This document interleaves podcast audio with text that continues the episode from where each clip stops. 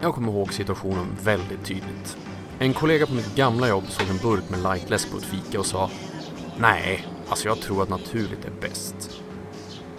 Och det där var för mer än tio år sedan, men fortfarande kan man höra argumentet längs det tankesättet att konstgjorda sötningsmedel är dåliga för att det är just konstgjorda. Det vill säga, naturligt är bäst. Jag dricker inte läsk jätteofta, men blir av försöker jag alltid att ta en light-variant.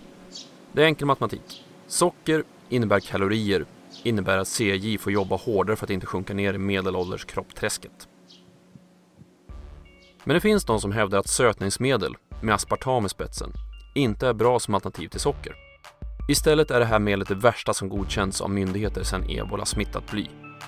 För det är vad vi ska prata om idag. Nej, inte ebola-smittat bly, utan aspartam. Ni ska vara hjärtligt välkomna till det här sötsliskiga avsnittet av Kvalificerat Hemligt.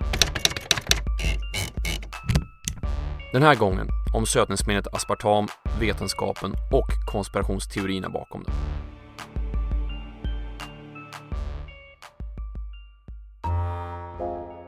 Every time I drink something with aspartame in it, I can't help but worry to myself Am I drinking cancer?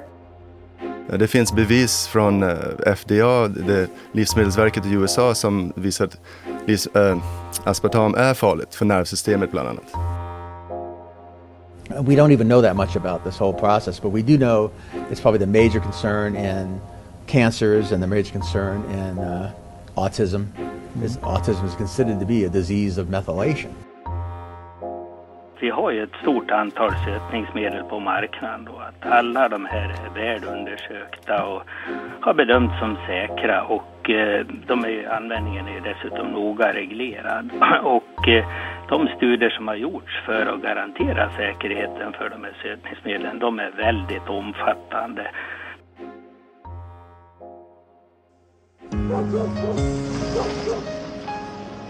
Last year, over two million people got something of a surprise in the mail. Their first taste of NutraSweet. And of all things, a gumball. What's NutraSweet?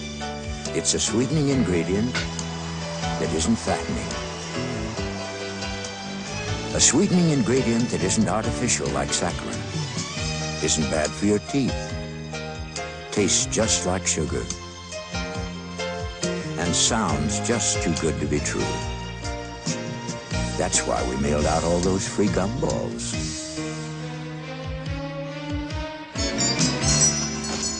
Howdy, Marge. What you got with NutraSweet? Taste it for yourself in products like these. NutraSweet, the sugar-free taste of sugar. Aspartam, N-L-alfa-aspartyl-L-fenylalanin 1-metylester, uppfanns som en slump 1965 när kemisten James M. Schlatter jobbade på att ta fram en magsårsmedicin. Schlatter råkade spilla aspartam på handen och, efter att han konstaterat att det var ogiftigt, smakade han på det. Då upptäckte han att det smakade sött, var på företaget han jobbade för fortsatte forskningen kring ämnet och det hela resulterade i ett patent i januari 1970. När företaget som hade patentet på aspartam, GD Sterling Company, försökte få det godkänt som livsmedel stoppades de av amerikanska FDA, Food and Drug Administration. Godkännandet hejdades för att två personer vittnade om att sötningsmedlet ska visa sig ge upphov till cancer i råttor. De här vittnesmålen stoppade aspartam fram till 1980 då det granskades återigen av FDA och den här gången godkändes sötningsmedlet som livsmedel. Aspartam är uppbyggt av fenylanalin och asparginsyra, två aminosyror samt metanol. Medlet är ungefär 200 gånger sötare än vanligt socker utan att innehålla sockrets energivärde. Och det är därför som aspartam fungerar som sötningsmedel, även om den blir instabil vid uppvärmning. När aspartam väl har konsumerats bryts det ner i mag och tarmkanalen där det återgår till de två aminosyrorna och metanolen. De här aminosyrorna återfinns naturligt i de proteiner vi får i oss med vår mat, men även metanolen får vi i oss matvägen. Därmed är det inget mystiskt bakom upptagningen av de nedbrutna ämnena jämfört med hur vi tar upp deras naturliga motparter. Som ett exempel. Ett glas tomatjuice innehåller sex gånger så mycket metanol som man får i sig av en burk med aspartamsötad läsk. Men eh, hur mycket bör eller ska man få i sig av aspartam? Ja, Livsmedelsverket skriver så här om det dagliga intaget. ADI-värdet fastställdes från djurdata till 40 mg per kilo kroppsvikt och dag. Aspartamsötade läskedrycker får innehålla högst 600 mg per liter. Ofta innehåller sötad lågkaloriläsk mindre mängd aspartam än den högsta tillåtna, vilket betyder att större mängder kan drickas utan att ADI-värdet överskrids. Man skulle också kunna sammanfatta det här citatet med en sju helvetes massa läsk. Utöver det här kan man inflika också att aspartam inte kan utsöndras med modersmjölken. Livsmedel sötade med aspartam innebär alltså ingen påverkan för ammande mödrar. Så länge mor och barn inte lider av, mm, svårt ord, fenylketonuri. Men det här behöver man inte oroa sig för i onödan, då är det en ovanligt förekommande åkomma. Dryga en på 15 000 födslar. I Europa har man satt en ADI-gräns för aspartam på 40 mg aspartam per kilogram kroppsvikt. Vad står nu ADI för då? Jo, det innebär acceptabelt dagligt intag och passande nog fungerar även denna förkortning på engelska, Acceptable Daily Intake. Så, 40 mg alltså. Då ska vi se. 40 mg och jag väger 90 kilo. Det innebär att om jag vill försöka nå upp till maxdos med till exempel Coca-Cola Zero ska jag pressa i mig 15 liter om dagen. Det innebär, givet att jag får mina 8 timmar av skönhetssömn, att jag måste hinka i mig dryga 0,8 liter cola per timme. Noterar ni någonting med den där tidigare uträkningen och ADI-värdet? Den som räckte upp handen för dagligt intag, de får en guldstjärna. För det här handlar alltså om vad myndigheter anser sig veta vara säkert att konsumera per dag. Men vi hoppar över den här dagliga biten. Liksom med tidigare försök med tandkräm tänkte jag att vi ska tangera den dödliga gränsen. Enligt amerikanska myndigheter som utfört giftighetstester på aspartam har man sett att LD50, den dos där 50% av försöksdjuren avlider, överstiger 10 gram per kilogram kroppsvikt. Fram med miniräknaren och en flaska läsk med aspartam, för det här innebär att jag ska trycka i mig 3750 liter Coca-Cola Zero för att ens ha en chans att avlida av aspartamförgiftning. Och om jag ska trycka i mig 208 liter cola i timmen för att hinna med takten så kommer jag ha ett så mycket större problem än aspartamförgiftning att orsaka. Och inte ens med dessa volymer är det säkert att just aspartamet är farligt eller dödligt. För LD50-dosen är inte säkerställd i det här fallet. Troligen för att man inte kunde få råttor att få i sig tillräckligt mycket aspartam helt enkelt. Var kommer då alla dessa cancerrykten ifrån? Ämnet och ryktena fanns innan internet, även om det är svårt att minnas en sån tid. Så någonstans måste de ju ha uppstått. Det hela verkar ha börjat redan i början av sötningsmedlets existens, som nämndes tidigare här, när aspartamet granskades av FDA. Två personer som gjort sig kända för tidigare motstånd mot tillsatser i maten, John Olney och James Turner, påstod att misstankar om säkerhetsbrister förelåg och krävde en offentlig utfrågning. Påståendena och företagets material granskades av en grupp på FDA som inte fann några misstankar i sina slutsatser om oegentligheter på det vetenskapliga planet. När det visade sig att en av de drivande personerna bakom FDAs godkännande av aspartam slutade sin tjänst och sen började jobba på PR-firman Burson Marsteller var silken sluten för många konspirationsteoretiker.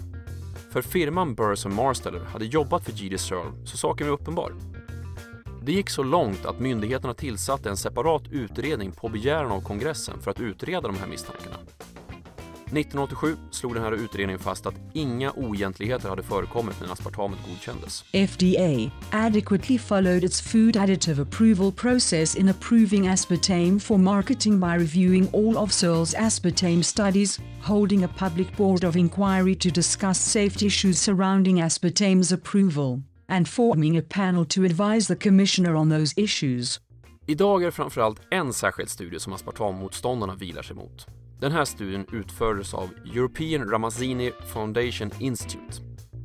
Och I den här studien ansåg man sig ha vetenskapligt belägg för att aspartam orsakade cancer i råttor. Slutsatsen var inte nådigt skrämmande heller. The authors concluded that aspartame is a multipotential carcinogenic agent, even at a daily dose of 20 mg per kilogram body weight, much less than the current acceptable daily intake. Men varken amerikanska FDA eller deras europeiska kollegor i FDSA drog riktigt samma slutsatser från det material som institutet bistod dem med. EFDSA konstaterar Based on the available data, we have identified significant shortcomings in the design, conduct, reporting, and interpretation of this study. och FDA. Based on our review, pathological changes were incidental and appeared spontaneously in the study animals, and none of the histopathological changes reported appear to be related to treatment with aspartame. Hur ser då konspirationsteorierna ut kring aspartamet? Bolaget som upptäckte aspartamet, GD Searle, är ett läkemedelsbolag som bland annat har haft Donald Rumsfeld, senare USAs försvarsminister, som ordförande i styrelsen. Och 1985 köptes företaget av Monsanto. Och det här ska förklara varför ämnet överhuvudtaget kommit ut på marknaden. Tack vare skumraskaffärer, mutor och politiskt högvilt i styrelsen kom man undan med en, enligt kritikerna, livsfarlig substans. Och trots då att det här ämnet skulle vara farligt och orsakat en mängd reaktioner så hålls det kvar på marknaden av företag som inte vill se sina vinster försvinna i en uppsjö med stämningar. Istället för att agera ska man ha tryckt undan folks oro och ignorerat rapporter som sägs visa att medlet är hälsovådligt eller till och med cancerframkallande. Det finns massor med rykten och påståenden kring aspartam. En av de som brukar återkomma i olika former är den om piloterna som blev blinda av aspartam och till och med dog. Ursprunget till den här teorin är en kvinna med namn Mary Nash Stoddard. På 80-talet drabbades hon och hennes dotter av allmänt diffusa symptom med eh, tryck över bröstet, ont i leder och trötthet. Hennes dotter fick också grand mal-anfall, alltså epileptiska anfall. Undersökningen av Stoddard och dottern gav ingenting, trots massor med prover. Men till slut träffade hon en läkare som sa att det kunde bero på aspartamet.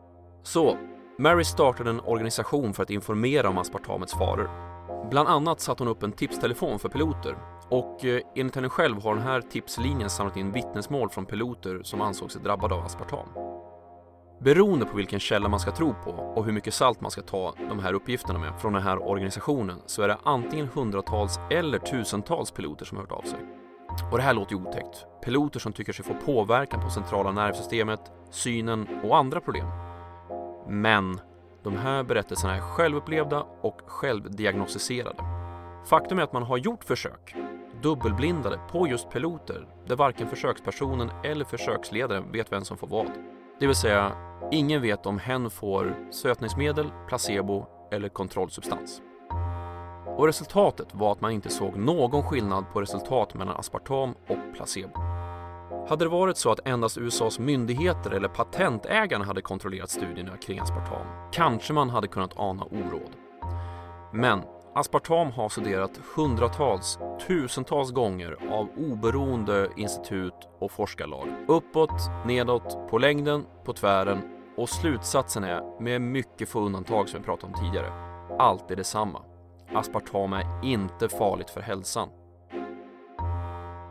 Utifrån vad vi vet idag och med tanke på hur ämnet bryts ner i mag-tarmkanalen finns det inga som helst tecken på eller logiska kopplingar till att hälsorisker skulle föreligga vid normal konsumtion av aspartam. Men kom ihåg, aspartam i sig är det ingen fara med. Men samtidigt är det ingen som hävdar att överdriven konsumtion av någonting är särskilt bra. Läsk med sötningsmedel är bättre än läsk med socker i, ur ett kaloriperspektiv. Men eh, till exempel så finns ju risker för tandhälsan då läsken påverkar tandhälsan negativt. Men hur är det då med vikten? För det finns en rätt utbredd tro på att aspartam kanske inte är farligt för kroppen direkt. Men att vi däremot lurar hjärnan att tro att den får socker, men när det blir utan så ökar vårt sötsug. Resultatet ska vara att vi helt enkelt blir mer sugna än innan vi konsumerat aspartam. Men eh, det här stämmer inte heller. Studie efter studie visar att sötningsmedlet inte påverkar vår vikt negativt. Det finns inget stöd för att sötningsmedel leder till viktuppgång eller försvårar viktnedgång hos människor när det används i rimliga mängder. Sötningsmedel har inte heller någon större mätbar effekt på mättnadshormon, blodsocker eller insulin. Och slutligen, som passus. Nej, myror dör inte av aspartamet i lightsaft. Ni eh, känner inte igen det där? Jo, så här var det. För rätt så exakt sju år sedan började media skriva om att en professor i Sverige använde Funlight på myror, varpå myrorna dog. Och i rapporteringen återgav han att aspartam är ett nervgift som tog död på myrorna. Tänka sig, en professor, då måste det ju stämma. Eller? Nej, inte alls faktiskt. Vad som däremot händer är att den klibbiga saften täpper för myrornas andning, alltså trakéerna, varpå de helt enkelt kvävs. Så, en två liters colaflaska är tömd och jag känner inte av några synstörningar eller andra effekter. Förutom att jag börjar bli något vansinnigt kissnödig. Så, ni som oroar er för det här med aspartam, det är ingen fara. Som jag sagt tidigare så har ämnet studerat från alla håll och kanter och inga hälsorisker med aspartamet har hittats. Nej, om man skulle väga på muggen och göra plats för de där sista 3748 literna. Du har lyssnat på Kvalificerat Hemligt, en poddradio om konspirationsteorier och vetenskap. Länkar till musiken, videoklipp och annat som nämns i programmet återfinns på programmets hemsida, khpodden.se. Jag heter C. Åkerberg och tack för att du har lyssnat.